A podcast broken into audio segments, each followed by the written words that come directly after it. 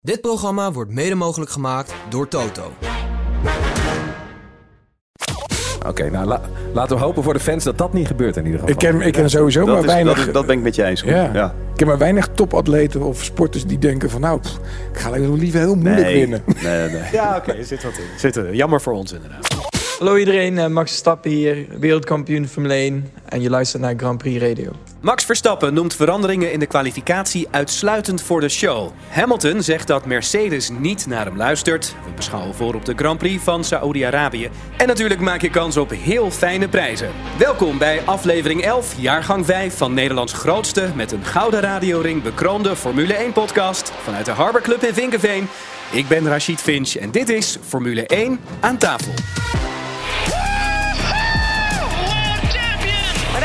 Een enorme vuurzee in de pit. Gebeurt bij ons Verstappen. I'm hanging here like a cow. Get me out this fire. This has been incredible. Points on debut. There's something loose between my legs. Simply lovely, mate. Yo hey, yo ho. I guess Verstappen won. Dit is de grootste Formule 1 podcast. Formule 1 aan tafel. En onze gasten deze week, Koen Zwijnenberg, DJ van de Radio 538 Lunchshow. Wat verwacht je in Saoedi-Arabië? Eh, ik hoop dat het veilig blijft, dat er geen raketten naast de baan komen en zo. Goeie, dat ten ja, eerste. fijn. Eh, ik verwacht, ik hoop eigenlijk een sterke Ferrari. Oké, nou daar gaan we het nog wel over hebben zo meteen. Ferrari, dat komt goed. Bas Schothorst, coureur, co-host van de F1 Vrije Training bij Grand Prix Radio. Wie wordt de wereldkampioen dit jaar in de Formule 1? Ja, Max Verstappen. Ja, dat hebben we natuurlijk in de eerste race gezien eh, hoe, eh, hoe goed dat gaat. En eh, ja, ik zie niet iemand anders eh, met de titel vandoor gaan dit jaar. En Ronald Molendijk, producer, DJ, Ferrari-fan en altijd positief kritisch. Wat of wie is het probleem bij Ferrari momenteel? Eh, er is geen probleem. Alles gaat goed bij Ferrari. Ja, Kijk, dat gaat goed. Trouwens, Bas, ehm, jij zit hier nog wel rustig? Ja, ik zit hier rustig. Ja, mijn vriendin is eh, uitgerekend. eh verwacht de eerste baby eh, ja, eigenlijk gisteren al. Maar ehm, ja, ze is er nog niet. Dus Oké, dus als we jou straks ineens niet meer horen, dan... ja, dan, dan- open, weten dat kan de enige reden zijn. Ja. Precies. De Formule 1 gaat dit seizoen twee keer testen met een ander format qua kwalificatie. Het aantal te gebruiken banden wordt verlaagd om zo de duurzaamheid te verbeteren. F1 gaat daar voor het eerst mee testen in Imola. In de kwalificatie moeten de teams dan verplicht de harde band gebruiken in Q1, de mediums in Q2 en softs in Q3. Behalve natuurlijk als het regent. Eh, coureurs krijgen dan in totaal 11 in plaats van 13 sets banden tot hun beschikking. Ja, dat scheelt dan toch twee setjes. Hè? Eh, Max Verstappen zegt erover: Ik hoop niet dat het te fris wordt in Imola, anders wordt het een beetje lastig met die, met die harde band vooral. Het is voor iedereen gelijk, zegt hij, maar ik denk eigenlijk dat we dit soort dingen niet moeten doen in de kwalificatie. Volgens mij is het allemaal voor de show. Wat denken jullie? Pas, een Pierre beginnen? Ja, ik, ik ben het wel met Max eens. Hè. Het, is, eh, het is inderdaad eh, een, een wat apart format. Ik denk hoe het nu is, is leuk. Hè, want je ziet ook wat meer strategie eh, als het aankomt op de banden. En Ja. ja. dat zou dan in principe helemaal weg zijn. En dan is het gewoon, ja, wat je zegt. Hè, Q1 met hard, Q2 met medium. En dan de finale met, met de zachte band. Ja, dan krijg je misschien toch een wat ander beeld dan je, dan je nu zou krijgen. En Roland, uiteindelijk is het toch ja, ieder, voor iedereen hetzelfde inderdaad. Dus ja maar ik denk eh, dat als je dan iedereen vraagt die bij Formule 1 betrokken is... inclusief de bandenleverancier, dat ze allemaal klaar zijn met die bandensoap. is het te veel? Maak banden die goed zijn. Gewoon, maar er, er was een seizoen toch met eh, één type band gewoon die het he- de hele race deed. dat, zou je liever dat- hebben. Ja, dat zou ik echt veel liever hebben. Ja. Omdat je dan ook af bent van dat bandenmanagen. Dat is toch anti-race? Je wil dat al- is- altijd voluit kunnen gaan. Ah, Dat is volgens mij wat de race in is. Dat, Maar je zag het in Bahrein ook. Was er een ontzettend saai stuk op een gegeven moment. Omdat iedereen was alleen maar met zijn banden bezig. Ja. vreselijk. Ik moet ook wel lachen eigenlijk dat de Formule 1 zich eh, druk maakt om eh, verduurzamen. Ja, Ja, twee setjes. Als er eh, iets niet duurzaam is, is het wel de Formule 1 natuurlijk. ja, dus dit is niet nodig wat jou Nee, betreft. nee. Kunnen we beter op een andere manier proberen. En het is ook helemaal niet erg. Hè? Niet alles hoeft duurzaam te zijn. We mogen ook gewoon lol hebben in het leven. Dat is prima. Je hoeft ook Hey, niet met perfecte oren dood te gaan. Klein beetje hoorschade kan ook geen kwaad. Ja, maar Ja. goed, voor die, voor die eh, sponsoren, voor die sponsoren is het natuurlijk wel belangrijk. Hè? Dus al die automerken, iedereen die in die Formule 1 eh, participeert, die zit natuurlijk heel erg op dat duurzaamheid. Daar komt het natuurlijk vandaan. En daarom willen ze toch iets, eh, iets daarmee doen. Steeds meer. Ja, ik, ik ben er ook niet zo'n fan van. Maar goed, eh, Maar ik we denk hebben dat in de basis eigenlijk niemand er fan van is. Dat het, het Nee. is toch ook prima om te zeggen, joh, We Nou, doen heel maar- veel dingen die wel Ja. goed zijn. Spaarlampen en elektrische. Maar sommige dingen vinden we ook gewoon leuk om... Ja, En als je nou, helemaal naar- ja. Ja. Als je nou naar het show-element kijkt hier, hè, dus wat Verstappen eigenlijk zegt, hij hoopt niet dat het te fris wordt in Imola. Maar ja, wat nou als het wel heel fris is in Imola en je staat er met die harde band in Q1? Ja, is dat voor een kijker toch leuk of niet? En dan denk ik dat ze het één keer doen en daarna nooit meer. Dan, eh, is, de conclusie, dan is de conclusie na afloop, dit heeft niet gewerkt. Ja. Ja. Ja, dus je, daar zit je niet op te wachten op die harde band. Nee. En dat het voor iedereen moeilijker is. Want dat is natuurlijk ook een, misschien een manier om de moeilijkheidsgraad te Ik moet verhogen. ook eerlijk zeggen, ik ben, ik ben niet echt een expert. Ik zit gewoon lekker te kijken. Ik wil gewoon dat er geraced wordt. Ja, ja, ja. Maximaal. Ik, ik ben niet als supporter enorm bezig met al, al die banden. En het viel Nee, mij dus ik op in Bahrein ook op een gegeven moment. Van wat, wat is dit? En dan hoor je inderdaad commentatoren zeggen... ja, ze zijn een banden aan het sparen, banden aan het managen. Het is ook gewoon voor, voor de kijker niet per se het leukste. Nee, En ook zijn helemaal niet relevant. toch? Jongens, er zijn bepaalde teams die het ontzettend lastig zullen hebben op harde banden. Dus eh, nou ja, goed. eh, Die, de, de kleinere teams die komen sowieso Q1 al, eh, al niet meer door. Hè? Dus, dus die moeten dan alleen maar op die harde band rijden. Nou, dat, eh, dat schiet natuurlijk niet op. Oké, dus eh, dit idee hoeven we wat jullie betreft eigenlijk helemaal Nee, niet te absoluut proberen. niet. Nee. Leuk begin van de show. Slecht idee. Helmoet Marco van Red Bull is positief over Nick de Vries, maar vindt dat de Nederlander zich nu wel meer op performance moet gaan richten. Qua voorbereiding was Marco meer dan tevreden, ook met de feedback waarmee hij op de proppen kwam. Hij zegt, Nick heeft een schat aan ervaring, ook al is hij officieel nog een rookie. Maar op de vraag of de Vries uiteindelijk de vervanger kan worden van Sergio Perez bij Red Bull Racing, antwoordt Marco, in de Formule 1 blijven is eerst het uitgangspunt. Ja, dat is natuurlijk wel weer een eh, terechte opmerking. Hoe vinden we dat Nick het eigenlijk doet in de Formule 1, Koen? Nou ja, wat kun je zeggen na één race? Ja, en, en Nou een paar testdagen natuurlijk. Zeker, en hij heeft natuurlijk vorig seizoen ook wel ingevallen en zo. Ehm, ik, vind het heel, ik vind het wel grappig dat er sowieso al heel veel conclusies worden getrokken Ja. na één race. Ik Ja, wil ook iedereen zeggen... En dat is natuurlijk terecht, want ja, Red Bull was natuurlijk eh, van een ander niveau. Ja. Maar ja, ik kan me ook nog vorig seizoen herinneren dat Ferrari van een ander niveau was. Dat Max volgens mij het wereldkampioenschap al Ja. had opgegeven. Weet je wel, dus je weet ook niet hoe het allemaal loopt. Maar ik ben het wat dat betreft met Marco eens. Volgens mij moet, moet hij moet gewoon lekker die Formule 1 rollen, eh, lekker in zijn auto gaan wennen. Het is veel te vroeg om, om te gaan praten over eh, tweede rijden naast Max. Maar ja, ooit voor in de toekomst is het natuurlijk wel het perfecte plaatje. Dat zou leuk voor hem zijn. Ja. Bas, hoe, hoe vond jij zijn eerste race eigenlijk als coureur? Nou, ik was niet zo onder de indruk, moet ik je eerlijk zeggen. Want eh, ja, ook ten opzichte van zijn teamgenoot deed hij het niet heel bijzonder. Mhm. en, ehm, en, eh, maar ja, en, en inderdaad, ik denk wat Marco ook zegt, het terecht. Hè, van hij moet maar in de Formule 1 zien te blijven. Hij rijdt natuurlijk met zijn leeftijd, 27, eh, in, een, eh, in eigenlijk een, een, een junior team van, eh, van Red Bull. Ja. Nou, die plek heb je natuurlijk eigenlijk maar één seizoen. Dan kan je niet eh, verwachten dat je die eh, heel lang vasthoudt. Dus ja, hij zal echt fantastisch moeten presteren dit jaar. En dan hopelijk misschien naar een ander team of, ja, of naar Red Bull. Heb je hem eigenlijk wel gezien eh, in de Grand Prix, Ronald? Ja, want hij hing niet in de muur. Dus ik heb hem degelijk gezien. En er zijn toch genoeg rookies die tijdens training een auto opvouwen. Of anders. Wat dat betreft denk ik misschien niet voluit gegaan. Of Ja. weet ik niet, hè. niet. kan niet in die cockpit kijken. Maar ik denk dat dat al een hele grote pre is. Dat je Nou, niet dat ding opvouwt. Ronald, alle rookies hadden het moeilijk in de kwalificatie. Hè? Dus Ja. dat, dat zag je. Die stonden allemaal een beetje aan de achterkant. En eh, nou, Nick ook. En, eh, en in de race ja, kwam het langzaam aan een beetje naar voren. Maar ook door wat pitstops en door Had wat pech hè, een problemen beetje van op het anderen. einde met eh, pitstops. Hij kreeg ja, de softs dat niet, hoorde die zijn ik. teamgenoot wel kreeg. Eh, ja, precies. Maar ja, goed, Ja. dat zal strategie zijn. Ik, ik, ik geloof niet dat ze hem benadelen. Dat, eh, dat denk ik zeker niet. Ik, ik vond het een wat voorzichtige start. Ja. Ja. En je hoopt natuurlijk meer te zien van, eh, zeker als Nederlander zijn, van Nick. Overigens denk ik niet dat, het, dat Red Bull zou opknappen als er twee Nederlanders in het team rijden. Zeg Ja. maar, qua voor de brand awareness hebben ze denk ik eerder een Amerikaan of iets in die geest. Ja, natuurlijk. Dus Ja. dat, dat helpt hem dan niet. Er zit misschien. totaal geen belang in eh, voor Red Bull om eh, twee Nederlanders in dat Nee. team te hebben. Nee, dus wat denk je, Koen? Eh, gewoon een jaartje Alfa Tauri dan wat anders gaan doen? Of? Nou ja, kijk, uiteindelijk om antwoord te geven op je vraag. Zou, Ja. ik, ik vind het gewoon een supporter heel leuk om twee Ja, Nederlanders te zien bij Red Ja, Bull. dat is lang niet gehad inderdaad. En, en volgens mij is het een hele talentvolle jongen. En eh, heeft hij wel uiteindelijk eh, de kwaliteit om daar te komen. Alleen inderdaad, nou ja, zijn eerste race was volgens mij niet de meest gelukkige. En moeten we eerst maar even afwachten hoe die eh, dit seizoen een beetje gaat varen. Dan lijkt me Saoedi-Arabië als tweede race voor een rookie... lijkt me best wel pittig, zeg maar. Of jij daar als coureur, Bas, een, een, een beeld bij hebt. Maar dat is natuurlijk gewoon... Ja, muren zo dichtbij als Monaco, maar het gaat twee keer sneller. Ja, tuurlijk. Nee, het zal voor die jongens eh, ontzettend lastig zijn. Ik vind, het een, eh, ik vind het dus wel een mega gaaf circuit. Terwijl heel veel mensen kritiek erop hebben.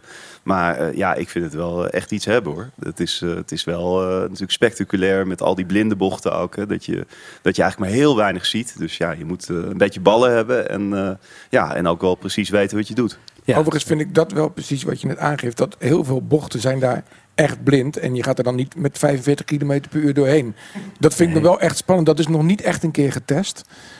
Je hoopt ook niet dat het een keer getest gaat worden. Dat er iemand daar net even... En dat iemand het vlaggetje vergeet of het rode lampje niet aanzet. Nou, we hebben, het wel, we hebben het wel een paar keer in de vrije training Ja, gezien. ja, hè? dat, daar, Ja, dat iemand ja. daar natuurlijk in, eh, in, in- rustig rijdt of net een snelle Ja. ronde heeft gedaan, langzaam. en dat- dat- die narrow escapes eigenlijk. Dus en Mick Schumacher heeft natuurlijk een auto daar in tweeën gebroken. Ja, Daar ja moest ik- precies. Daar moest ik ook nog aan denken. We zien Mick Schumacher nu naast Toto Wolff staan de hele tijd. Dat was natuurlijk waar Nick de hele tijd stond. Heeft hij daar nu Ja. iets aan, denk je? Aan al gewoon het, het zien van hoe, hoe een topteam als Mercedes opereert. Neemt hij dat dan echt mee naar Alfa Tauri? Nee, volgens mij niet. Ik denk dat Nick heel goed van tevoren wist hoe je met een auto rondjes moet rijden. Volgens mij leer je wel heel veel van naast Toto Wolf staan. Ja. Dat, namelijk wat je niet wilt doorgeven aan je kinderen. Dat, dat leer je gewoon als je daar tien Oh man ja. staat. Maar Ja. spreekt de Ferrari-fan, ik hoor het. Hij neemt het wel mee, toch? Ik bedoel, je hebt toch over de, over de schouder mee kunnen kijken. Tuurlijk, je neemt je het helemaal mee, tuurlijk. Ja. Ja. maar je bent er ook. Hè. Je Ja. bent in de picture, je ziet het, je, de mensen zien jou ook. Je bent helemaal onderdeel van de dynamiek van zo'n raceweekend. En dat neem je natuurlijk wel mee in de, in de ervaring nu. Zo van de ene Alfa naar de andere. eh, en dan dus naar Alfa Romeo. Eh, de concurrentie eh, ja, werd een beetje op het verkeerde been gezet eigenlijk. En ook veel journalisten. Bij de autopresentatie was dat. op 7 februari. Ze deden dat met een auto met een hele opvallende vloer. Leek wel een soort, alsof ze een soort haaientanden aan de zijkant hadden. Helemaal legaal. maar ja, hebben ze eigenlijk gewoon voor de grap gemaakt. Om de boel een beetje op stelte te zetten. En te denken dat misschien wel concurrenten in paniek te laten raken. Goed idee? Ja, vond ik, heel, leuk, vond ik heel leuk. Kan me sowieso niet gek genoeg worden. Want uiteindelijk denk ik toch dat je op een gegeven moment met het team zit je bij elkaar en zegt, "Z- zullen we dit voor, voor de presentatie doen? Ja, Ja. leuk, leuk, leuk. En ik denk toch dat er iemand op een andere fabriek denkt, wat de fuck is dit? Hè? Heb ik, hebben wij iets gemist? Werkt dit? Moet ik hier ook een beetje die carbon over aanzetten? We, we gaan het toch proberen. Ja. Ja. Hij is dan leuker misschien dan de auto van vorig jaar met een nieuw kleurtje Ja, neerzetten. ja, dat was echt bij Red Bull vond ik het echt een gênante vertoning. ja dat, dat vond je niet leuk. Maar waarom doen ze dat? Waarom kun je niet gewoon, ze- ook voor, gewoon voor de fans, van hey, dit is hem, de nieuwe auto. Ja, ik denk toch dat, dat bij zo'n fabriek iemand kijkt van wow, wat- wat, wat kan ik hiervan leren? Je zag ook hoe later Misschien het was, zeg maar, stukje, hoe, ja. hoe later de presentatie was, hoe vaker je de echte auto zag. Omdat de kans dan wel kleiner werd, toch? Dat, ja, dat is altijd, natuurlijk. werd, Ja, natuurlijk. Ja. ja. Ik denk Ja. dat ze bij, bij Mercedes ook echt zitten te wachten tot ze die onderkant een keer kunnen fotograferen of filmen van zo'n Red Bull. Dat, dat is volgens mij nu waar het geheim zit. Dat is waarschijnlijk wel wat ze willen zien. Inderdaad, nu, ja. Nee, maar in- inderdaad, Koen, vroeger waren, dat je nog de Spice Girls. Die kwamen optreden bij, een op, bij, bij de, bij de, bij de McLaren-lancering. Dat vond jij leuk, Dat hè? vond ik Ja, specifiek ja, ja, ja. heel leuk. nou, dat is het hoogtepunt. Hey, maar we- weet je wat ik, wat, wat- ik een beetje irritant vind? Is eh, gewoon, eh, ik als supporter van die Formule 1, niet, niet als een groot kenner of zo. Ik wil gewoon die auto zien op een Ja. gegeven moment. Vervolgens gaat er getest worden. Dan denk je, nou, nu gaan ze rijden. Nu gaan we genieten. Nee, want niemand laat nog het achterste van zijn tong zien. Je moet echt wachten op de eerste kwalificatie, bij de eerste race, om echt iets te kunnen zeggen. Ja. Inderdaad. En dan is er nog een team als McLaren dat zegt... ja, maar on- onze eigenlijke auto die komt pas over een maand. Dus dan, dan weet je het eigenlijk nog niet. Eigenlijk heel jammer hè? als je Ja, het zo ja, inderdaad eh, zo, zo ziet. Ja, het, het slaat eigenlijk nergens op. En zeker in het geval van McLaren. Ja, ik las het ook inderdaad vandaag een artikel dat, eh, ja, dat ze eigenlijk pas vanaf Azerbeidzjan met een nieuwe auto komen die eh, eventueel competitief is. Zouden gewoon alle teams niet gewoon precies op dezelfde dag alles moeten lanceren? Gewoon één hele grote Formule 1 dag. Dan, dan zijn alle teams Nou, ik, ik, ik hou wel van het individuele karakter. Ik vind Ja, het wel leuk hoe ze het nu doen. Hè. Soms had je in het verleden zag je ook nog wel eens op de eerste testdag dat teams pas aankwamen. Hè, dat ze daar in de pitbox eh, Ja. eh, deden. Of, of soms zelfs de eerste testdag niet eens haalden. Eh, dat hebben we ook wel recent nog met Williams gezien. En eh, ja, goed, het, het heeft wel zijn charme dat iedereen het op zijn eigen manier doet. Ik, ik, vind dat, blijft juist het mooie van die sport vinden. Dat iedereen krijgt dat boekje. En er staat in wat je mag en wat je niet mag. En vervolgens gaan ze dat allemaal. En dan komt iemand met Ja. een auto en denk ik... Oh ja, die doet de ventilator aan de achterkant. Ja. Wow. Ja. Dat was nog eens een tijd. Ja, maar d- dat Ja, maar komt iedereen interpreteert het op zijn eigen manier ja. en, en, en probeert daar het beste eh, uit te halen, uit die, uit die eh, regulations. En Ja. ja. dat is de challenge, om iedere keer eh, het maximale daaruit te halen, uit dat boekje inderdaad. Dat is het startpunt. En Alfa Romeo deed dat dus in ieder geval bij de presentatie met een nepvloer. Ehm, hoe gaan zij het in Saudi-Arabië doen, denk je?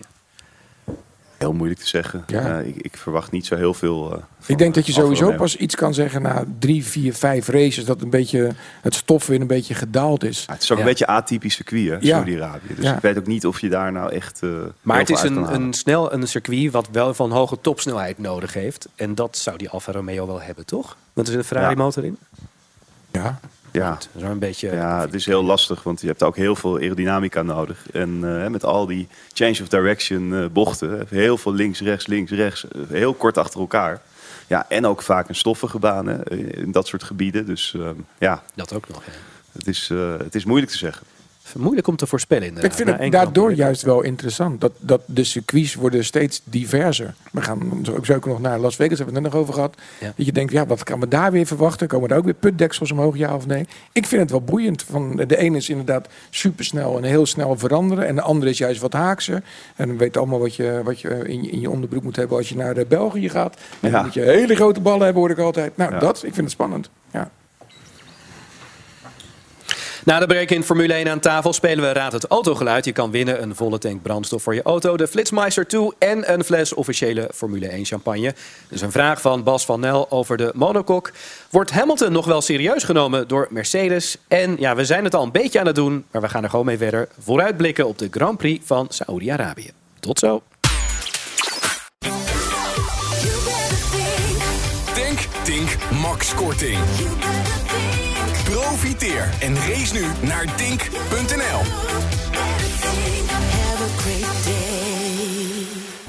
Moedig Max ook in 2023 samen met de Orange Army live aan. Vanaf de officiële Max Verstappen tribunes. Naast de welbekende tribunes op de circuits in Oostenrijk en België... is het aanbod bij Verstappen.com uitgebreid met de Grand Prix van Spanje. Er is een gelimiteerd aantal stoelen beschikbaar, dus boek snel je tickets. Verstappen.com is het enige en officiële verkoopkanaal van tickets voor de Max Verstappen tribunes. Welkom terug bij de grootste Formule 1-podcast van Nederland. Dit is Formule 1 aan tafel. En er is een vraag binnengekomen van een luisteraar, Bas van Nijl. Eh, je kunt zelf ook een vraag eh, insturen trouwens. F1 aan tafel at grandprixradio.nl. De vraag van Bas eh, gaat over de monokok. Laatst werd er in een aflevering gesproken over gewichtsbesparing. En werd er geopperd dat de auto's misschien wel 5 centimeter korter kunnen. Met name de Alfa Tauris. Waarop werd gezegd dat George Russell dan wel een probleem zou krijgen met zijn voeten door zijn lengte. Ik heb altijd gedacht dat de monokok een vaste maat heeft met het oog op de veiligheid en de structuur van de auto. Heb ik dat verkeerd? Vraagt Bas. Iemand enig idee? Wat is een monokok? Hoe zullen we dat eens uitleggen? Ik vind dat een heel rare... Ja, het monokok is eigenlijk het, eh, ja, het geraamte van de auto. Dus dat, is, dat bestaat uit één deel. En dat is, eh, ja, dat is eigenlijk ehm, eh, eh, ja, de- waar de hele auto uit bestaat. Dus dat is ook wat intact blijft op het moment dat zo'n auto een mega crash heeft of gaat rollen. Dan, dan blijft dat eigenlijk altijd beschermd. Dus dat is waar de rijder in zit. En eh, ja, om terug te komen op de vraag. Ja, ik denk dat, eh, dat dat inderdaad, dat is verschillend. En dat hangt ook helemaal af van het reglement. Dus, Ja. ehm, Dat hebben we er even bij gepakt natuurlijk. De monokok moet minimaal 850 mm lang zijn en 450 mm breed. Ja. Eh, dus ik weet niet of de Alfa Tauri dan zoveel langer is... en of het voor George Russell bij Mercedes heel lastig is. Hij heeft blijkbaar grote voeten. Hij zegt altijd, ik ben groot op de verkeerde plekken. Ehm, maar ehm, ja, misschien dat hij nog wel iets kleiner kan. Maar er is dus geen maximaal. Nee, er is Nee, een er is minimum. geen maximum. Hè, dus Ja, dat, is een dat geeft dus ook de vrijheid eigenlijk aan de teams Ja. om dat Ja. op hun manier eh, te doen. Precies. Nou, heb jij ook een vraag? Eh, mail hem naar f1 aan tafel En wellicht hoor je hem terug in de volgende podcast. Gaan we naar Mercedes, waar de sfeer niet echt geweldig is. George Russell gaf aan dat hij verwacht dat Red Bull alle races gaat winnen dit jaar. En Lewis Hamilton geeft aan dat er in de winter niets is gedaan met zijn feedback. En hij roept Mercedes nu op als team bij elkaar te komen. Ehm, Koen, dit soort quotes, ehm, ja, dat is misschien niet heel erg goede invloed op zo'n team, of wel? Ik vind het een beetje eh, triestig overkomen ook wel. Want we hebben natuurlijk vorig seizoen gezien, er was een drama voor Mercedes. Terwijl Mhm. ze natuurlijk jarenlang zo dominant zijn geweest. Echt Ja. een topteam. Nou, volgens mij ongeveer halverwege vorig seizoen werd al gezegd... nee, ze zijn al bezig met de auto voor volgend jaar. Nou, nu is het dat volgende jaar. Ja. En dan bak je er nog niks van. Ik begrijp niet, wat, wat hebben ze dan de afgelopen winter gedaan? En vind je het dan terecht dat coureurs daar in de media toch een beetje dingen over zeggen? Dat Hamilton zegt, nou, ze hebben niet naar me geluisterd? Of... Ja, die, die, die vegen ook de eigen straatjes gewoon. Uiteindelijk kijken Ja, ja. mensen naar Formule 1 en denken dan... waarom rijdt Hamilton niet op één?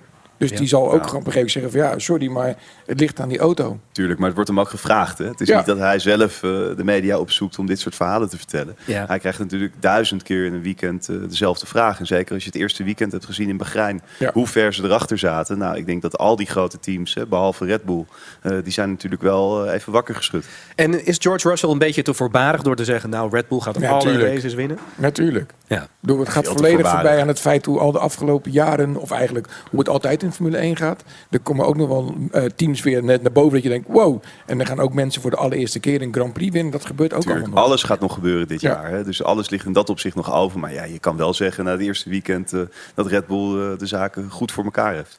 Maar wat moet Mercedes nu doen? Want ze hebben dus een Stoppen. concept. Gewoon stoppen. Gewoon Stoppen. Ja. gewoon stoppen. Ja, maar je Ja. kan ook Maar niet ze- in één keer iets doen. Hè? Het is niet Nee. van, oh, we hebben nu de eerste race gehad. We gaan even wat doen. Dat hele team moet zich nog gaan verplaatsen nu. Hè? Dus, die, dus die gaan naar Saudi-Arabië, moeten allemaal Ja. weer daarheen. Eh, Ja. nieuwe, eh, ja, van alles moet er gebeuren. Dus het is ook niet dat, dat je even met een oplossing komt van... eh, nou, het ging niet zo lekker, we gaan nu dit erop zetten. Maar kijk, ik dacht, ik dacht bij het kijken van oké, nou het was geen gelukkige eerste race. Mhm. En ik, de eerste interview van Hamilton was nog van nou, ik heb, wel, eh, ik heb het eigenlijk wel naar mijn zin gehad. Dacht ik oké, weet je, die Ja. verbloemt Ja. het ook allemaal een beetje. Vervolgens krijg je dan de dagen daarna vanuit het team allemaal dit soort rampberichten. Ja. Waarop ik denk dan als leek van nou, dit is niet met één of twee updates, is dit verholpen. Nee. Er is Nee. echt meer aan de hand. Nee, gelijk Want- heb je. En Ja. daarnaast zijn natuurlijk de nodige mensen vertrokken bij Mercedes de afgelopen jaren. Daarvan hoor je nu weer andere teambazen zeggen van ja, eh, I told you so. Je kan ze niet zomaar makkelijk vervangen. Dat zien natuurlijk ook een beetje gebeuren nu dat er een man die heel erg goed weet hoe aerodynamica werkt, verdwenen is bij Red Bull en nu ineens bij Aston Martin zit. En dat gaat ook ineens heel hard naar voren. Dus zo simpel is het ook allemaal niet. Daarnaast vind ik het wel een beetje raar dat de Hamilton nu ineens roept, ze hebben niet naar me geluisterd. Dan had je misschien minder op vakantie moeten gaan of minder met je schoenen bezig moeten zijn. Maar wat vaker op de fabriek moeten zitten. Maar het, het is daar natuurlijk.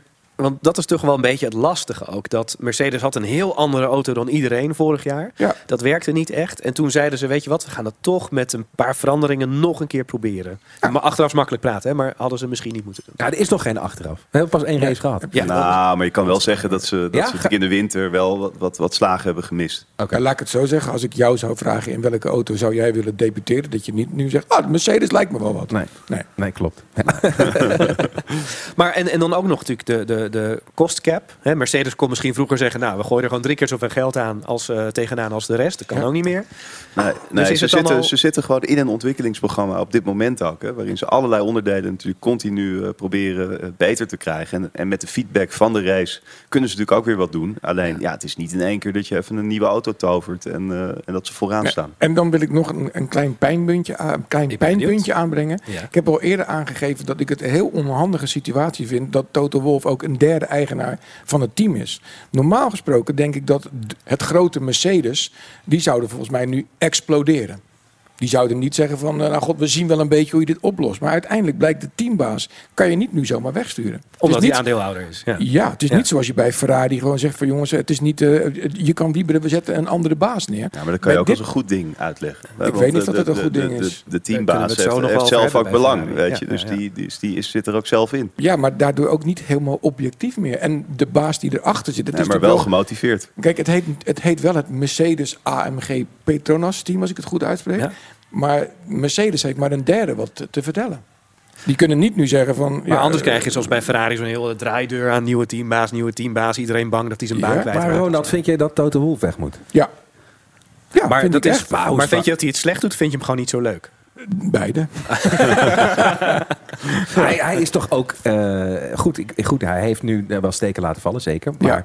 het is toch ook een kleurrijk persoon, smaakmaker. Ja, maar dat is niet per se waar ik voor naar de Formule 1 kijk. Ik wil gewoon het aller, aller, allerbeste zien. En ik vind wel, de man heeft een bepaalde manier van doordrukken dat hij het aller, allerbeste weet. Waar Hij- ik een hij beetje kriebeltjes van krijg. Ook manager van ongeveer de helft van. ja, en van heeft aandelen in andere ja, teams. ja. En Nou, ik, hij heeft wel wat belangen links en Ja. rechts. Maar goed, nee, maar het moet je smaak zijn. Alleen, ja, hij heeft natuurlijk hele goede dingen gedaan. eh, jarenlang hè, bij Mercedes. Dus laten we dat niet vergeten. maar goed, hij heeft niet kunnen voorkomen dat er dus mensen weg zijn gegaan, die heel belangrijk is. Heeft hij toch een beetje zo van, oh ja, goed, die gaat bij Williams werken en die gaat daarheen. Ik weet Maar je niet. kan het ook hebben alle teams, Hij heeft het, zo'n beetje acht jaar kunnen voorkomen dat het gebeurde. En dat is ook alweer heel lang Ja. in elke sport. Bij jou is dat glas vaker half vol, merk ik. Ik probeer het, ik probeer Nee, het. maar ze hebben jarenlang hebben ze natuurlijk gedomineerd ook. Hè. Vergeet dat Ja. ook niet. En je kan niet uh, oneindig domineren. Dus er komt weer een periode dat Red Bull er is. Er komt ook een periode dat Ferrari dat weer gaat doen. Dat hopen we in ieder geval allemaal. Dat is ook leuk voor de sport. Wat denk je, gaat Mercedes nog wel een Grand Prix winnen dit jaar? Nou, het is moeilijk te zeggen nu, maar ik, ik denk het wel. Ja, waarom niet? Is toch hopen van wel? Ja. Want het is toch ook voor Max niet leuk als hij inderdaad al die races gaat winnen? Zeker. Jawel, voor Max is het wel heel leuk. hij maar is dat-. Max ja, maar- interesseert het helemaal Nee, maar is niets. dat, dat hoor ik inderdaad. Maar is dat echt zo? Ja, Maar hij houdt toch ook wel van, Nee, van die... even vechten. Nee, echt niet? nee, echt niet. Nee, nee, nee, nee. Max wil maar één ding. Dat is het liefst alle races winnen en wereldkampioen worden. Maar wil je niet, zoals in Hongarije, vanaf plek 10 winnen? Dat is toch veel nee, leuker dan ook niet. plek Nee, 1? het liefste gewoon iedereen in de spiegel. En eh, aan het einde nou, met, la- de, met de bloemen en de voor de fans dat dat niet gebeurt in ieder geval. Ik ken, ik ken sowieso Dat, maar is, weinig... dat, is- dat ben ik met je eens. Ja. Ja. Ik ken maar weinig topatleten of sporters die denken van... nou, pff, ik ga liever heel moeilijk Nee, winnen. nee, nee. Ja, oké, er zit wat in. Zit er. Jammer voor ons inderdaad. Ja. We geven je in de Veen aan tafel de kans om een volle tank brandstof voor je auto, de Flitsmeister toe, ter waarde van 80 euro. En een fles Ferrari Formule 1 champagne te winnen in Raad het Autogeluid. Mario de Pizzaman staat in Druten bij autobedrijf Paul van Bergen. En praat met Jan Tinder Knevel mhm, over de lente en een tandartsassistente. Het is altijd lente in de ogen van de tandartsassistenten, Jan. Ja, dat klopt. Dat zie ik ook. Hoe is dat hier? Ja, hier is het ook altijd lente in de ogen van de Janse assistenten. Ja, want je hebt overal leuke bloemetjes staan en gezellig gemaakt. Eh probeer het altijd gezellig te maken. Het is geen feest als je niet bij Paul van Bergen bent geweest. Goed zo. Jij zit in een auto, voor de verandering. En een coupé. Een tweedeurscoupé deze keer. Zwart. Ja, zwart-zwart. Ehm heb je er verder nog iets over te melden? Eh, ja, het is gewoon een heerlijke coupé. Gewoon met de juiste optiepakket erop. Maar ja, daar ben je van me gewend. Want dan weet je, loopt hier maar één kade, vandaag twee. De rest altijd alles compleet bij de kale man. Dat zie je wel de kale man in beweging, hè? Paul Nadan. Heerlijk toch? Daar hebben we toch ook een liedje over gemaakt. Vertel. Oké, we gaan het niet doen hoor ik net, maar wel even de motor starten, toch? Ja, hier, ik slinger hem aan voor je.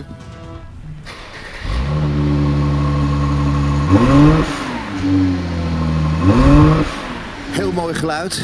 Eh, waar vinden we deze auto? Deze mooie voituren vinden we weer op www.paulvanbergen.nl. Ja, daar vind je hem wel. Mooi spotje, hè? Ja, lekker is die, hè? Kost wat, jongen. Ja, veel voor weinig, maar nooit zagrijnig. Nou, weet jij van welke auto je zojuist het geluid hoorde? Stuur je antwoord naar f1 aan tafel grandprixradio.nl. De winnaar van vorige week is Stefan Horsman. Het geluid was dat van een Mercedes-Benz CLS klasse 350. Veel rijplezier, goed gedaan. Eh, met je gratis volle tank brandstof voor je auto bij Tink. De Flitsmeister toe ter waarde van 80 euro die voorkomt dat je te hard rijdt. En een officiële fles Ferrari Formule 1 champagne. Nou, eh, Ronald, tijd voor jouw favoriete team. Ferrari. Eh, onder de nieuw, nieuwe teambaas Fred Vasseur. Hij is veranderingen aan het doorvoeren. Laurent McKies, dat is de assistent-teambaas, zullen we maar zeggen. Die lijkt klaar om daar weg te gaan. En er zijn andere veranderingen. David Sanchez bijvoorbeeld was het grote nieuws afgelopen week, de autoontwerper, dat hij ook weggaat. Ja. Blijkbaar schoon schip aan het maken.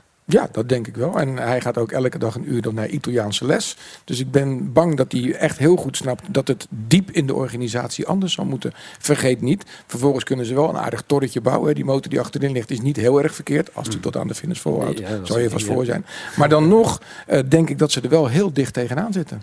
Ja, en dat is dus eh zeg maar tegenovergesteld wat we bij Mercedes deden. Van nou ja, no-blame culture, iedereen aan boord eh, houden. Ehm, maar jij zegt dus bij Ferrari moeten ze echt het omgekeerde doen nu. Ja, maar dat zit ook een beetje in het DNA cultuur, van? Ferrari. Ja, Ja. Dat is ook een, kijk, eh, Altijd zo geweest. Bij Als je bij Mercedes en BMW kijkt, die bouwen eigenlijk elk jaar dezelfde auto, maar die passen dan de achterkant en de voorkant aan. Ik heb het over de consumentenauto's. En een Ferrari of een Alfa is gewoon elke keer een compleet nieuwe auto. Je denkt, oh, dit is ook weer een Ferrari, maar dat is, lijkt niet op een andere auto. Koen, volg je dat eigenlijk een beetje als fan? Wat er dan soort van achter de schermen bij de teams gebeurt? En de poppetjes die, die dingen doen? Eh, zijdelings. Nee, zijdelings. Ik bedoel, ik heb natuurlijk wel de bakel van vorig jaar, eh, net als iedereen, gezien. Ja. En dan, dan, dan, dan merk je toch ook wel, er moet iets gebeuren bij Ferrari. En het houdt niet op bij alleen maar de Ja. teambaas. Dus dat, maar al die poppetjes en namen, ik, Vasseur ken ik. En voor de rest, ja, de, de- verder denk ik nou. Ik hoop gewoon dat, ik hoop echt dat ze competitief worden ook. Dat zou natuurlijk fijn zijn inderdaad. En ik, ik denk dat het, ik ben het met Ronald eens, dat het er wel in zit dit seizoen. Ja. Ja, ze En dan- vielen mij niet tegen hoor, moet ik zeggen, het eerste Nee. weekend. Ik vond het best wel eh, mooi om te zien dat Ferrari gewoon eh, ja, best redelijk meekwam. Het is gewoon jammer van die uitvalbeurt. Anders was het misschien niet zo... eh, Ja, maar niet zo er gaan dit jaar ook nog Red Bulls uitvallen en, en, en andere Tuurlijk. auto's ook. Dat, dat is nou eenmaal dit spelletje. Ja, Ja. dat hoort er natuurlijk een beetje bij. Ehm, wie heeft Vasseur nog nodig eigenlijk in zijn team dan? Als hij allemaal poppetjes aan het veranderen is. Oh. Eh, ja. Ja, als je ooit Dat zeggen. Newey zou kunnen krijgen, waarvan ik weet, hij heeft een heel mooi boek geschreven. Die is een keer gebeld en die kon zelf een, een blanco cheque kreeg die. En hij mocht ook aangeven wie die maar uiteindelijk gezegd van nee, ik ga het niet doen. Nee. Maar dat is natuurlijk wel ja, de professor. Als je die ooit zou kunnen vastleggen. Dat is een goede. Oké, maar als je die niet kan krijgen... Nee, met, een eh, student van hem. Ja, zoals ze bij Aston Martin gedaan Ja. hebben. Nou, je hebt wel gelijk, eh, Ronald. Dat is natuurlijk echt de goeroe op het gebied van eh, Ja. het ontwikkelen van auto's. En, en iedereen, hij kon over, overal een blanco check volgens mij Ja. eh, invullen. Maar ja, dat is, eh, kijk, voor de rest, eh, ik denk inderdaad dat ook de fans weinig zegt. hè. Al die mensen op de achtergrond, eh, fans willen uiteindelijk gewoon op de baan zien dat er wat gebeurt, dat er competitie is. En Ja. dat die auto's zich ontwikkelen en dat die rijders er het maximale uit kunnen halen. En daar gaat het om. En Maar niemand je- wil ellende zien met auto's of uitvallende auto's of dat Maar soort stel je voor dat je, de- dat je dat telefoontje krijgt uit Italië. Als je Ja, Adrian Newey bent, bedoel je? Gewoon überhaupt? Ja, nee, maar ik bedoel, toen had hij al wat dingen gedaan. Hij had al wat wereldkampioenschappen eh, afgeleverd. Ja, En dat ze gewoon zeggen, joh, kom gewoon hierheen. We hebben een huis. Dat is vast geen twee-kamer-appartement. Nee, En- geweldig. Maar Geweldig. misschien was dat wel het probleem, toch? Dat hij dan in Italië moest gaan wonen. Ik kan me voorstellen dat je denkt, nou, ik vind het eigenlijk wel prima. Nee, joh, maar als je voor Ferrari werkt en in Italië woont, is het allermooiste. wat er is. Je Als bent een volgende- legend forever. Precies. Als volgende week iemand me belt en die zegt... je mag bij Ferrari komen werken... mag je de hele dag de poort open en dicht doen. Ik ben weg. Maar waarom heeft hij het niet gedaan dan? Ja, misschien ook gewoon gebonden aan huis. Hij heeft ook gezin en kinderen. wel en- dat Ja, een beetje, ja, of misschien zag je de potentie gewoon niet. Ja, de samenwerking. Je Ja. moet er ook het gevoel hebben dat je er wat van wil maken. Anders is Ja. Adrian Newey straks ook niet meer de Adrian Newey Nee. eh, die iedereen eh, En het is best wel een politiek bedrijf, geloof ik, hè? Ferrari. Het is niet heel makkelijk om... Het allermoeilijkste. eh, Ferrari is het allermoeilijkste natuurlijk. ja, Ja, ja, Nee, dat is Tuurlijk. misschien niet, niet, niet ze breken de carrières bij bosjes. ja. zeker. Dat inderdaad. Nou, dan het Jeddah Corniche circuit in Saudi-Arabië. Decor van de tweede Grand Prix van het jaar. Het stratencircuit staat sinds twee jaar op de kalender... en staat tot nu toe gegarandeerd voor spraakmakende wedstrijden en gebeurtenissen. Verstappen en Hamilton lieten dat twee jaar geleden zien. Kregen ruzie met elkaar eh, om de DRS op het rechte stuk. Was een soort breaktest. Eh uiteindelijk wist Hamilton die race eh, te winnen. Vorig jaar was er een raketinslag. Dat was dan zeg maar niet echt actie op het circuit. Hoewel dat er natuurlijk ook was tussen Verstappen en Leclerc. Ook weer ruzie om DRS. En wie kon er als eerste remmen om dan eh, die DRS te kunnen krijgen. Eh, nou, daar werd eh, Verstappen de winnaar, Leclerc tweede, Sainz derde. Zes kilometer lang is dat circuit in Saoedi-Arabië. En het meeste aantal bochten van alle circuits, 27. Al weet ik niet of je alle bochten misschien als zodanig zou herkennen. Omdat ze eh, zo snel zijn. Ehm, ja, zeg het maar. Gaat Red Bull hier ook domineren, denk je? Ja. Nee. Oh. Nou, tiebreaker, Koen? Ehm, ik, ja, ik denk het wel. En dan Ferrari er net achter. Oké. En eh, wie, Ro- Ronald, jij zei... Leclerc. Jij denkt dat Leclerc... Ja, als er, als er ook één team gemotiveerd is, eh, die, die springen gemotiveerd uit het vliegtuig nu, eh, is het Ferrari. Die willen toch laten zien dat het goed voor elkaar zit. Wil ik ook nog even terug naar jouw introtekst. Ja, Die DRS, die moet toch ook weg? Daar hou je niet van. Nee, dat is een kunstmatig trucje. Daar kan je, ik, ik bedoel, ik zit heel weinig in de Formule 1 auto, maar het lijkt me de hel. Als je weet dat die gast achter je in de basis niet beter is, Ja. maar dat hij gewoon dat klepje opengooit en dan komt hij gewoon Ja, met maar 25 km per uur langs. Ronald is begonnen omdat er te weinig inhaalacties Ja, maar waren, we hebben nu andere 1. vloeren. Dus wat wil je Dus- dan doen? Dan moet je de vleugels eraf halen. Dan moet je zonder achtervleugels, nou, zonder of voorvleugels gaan kleiner, of, of, of maar maak het Dat is spel de enige manier. Maar als je Ja. met die grote vleugels voor en achter eh, gaat rijden, dan kan je Ja. nooit eh, te veel aerodynamica om nog in te halen. Hoe kijk jij daarnaar, Koen, als fan? Als dat ding achter, achterin open Ik gaat? snap die opmerking van Ronald heel goed. Want, want het, het is toch ook gewoon ergens vals spelen, Ja. weet je wel. En tegelijkertijd zorgt het voor meer actie op de baan. En is het voor, voor, ja, voor mij als supporter is het toch lekker om naar te kijken. Want ja, jij gaat er met DRS voorbij. En vervolgens Ja. komt er weer een DRS-moment voor die ander, weet je wel. Ja. Ja, het is... Ja. Ja. En nu is het dan zeg maar vechten om de TRS te krijgen door dan eh, ja, eigenlijk eh, zo vroeg of zo laat mogelijk te remmen, afhankelijk van. Nou, daar zat natuurlijk het probleem Ja. toen. hè, die, die vorige keer in Jeddah, dat was natuurlijk echt niet goed. Hè. Dat, dat, dan gaan ze eigenlijk een, een spelletje spelen om die DRS. Ja, dat is natuurlijk ook helemaal niet de bedoeling van die DRS. Dus dat, eh, ja, dat mag wat mij betreft verdwijnen. En dan even terug naar de. Het is leuk dat Leclerc gemotiveerd is, maar daar wordt je auto niet sneller van natuurlijk. Ik bedoel, die Red Bull, jawel, die- daar wordt een auto wel sneller van. maar Ja. de Red Bull wordt er niet langzamer van. Dat weet ik niet, maar, Die ik Red zeg maar Bull in, heeft de, de beste aerodynamica. Absoluut, maar Dus kijk, dat- in de op dat basis- circuit winnen ze dat altijd. in de basis heb je wel een coureur nodig die ook af en toe met zijn vuist op tafel slaat. En gewoon zegt, ik weet niet wat we deze week gaan doen, maar ik slaap hier eh, onder het bureau en jullie ook allemaal.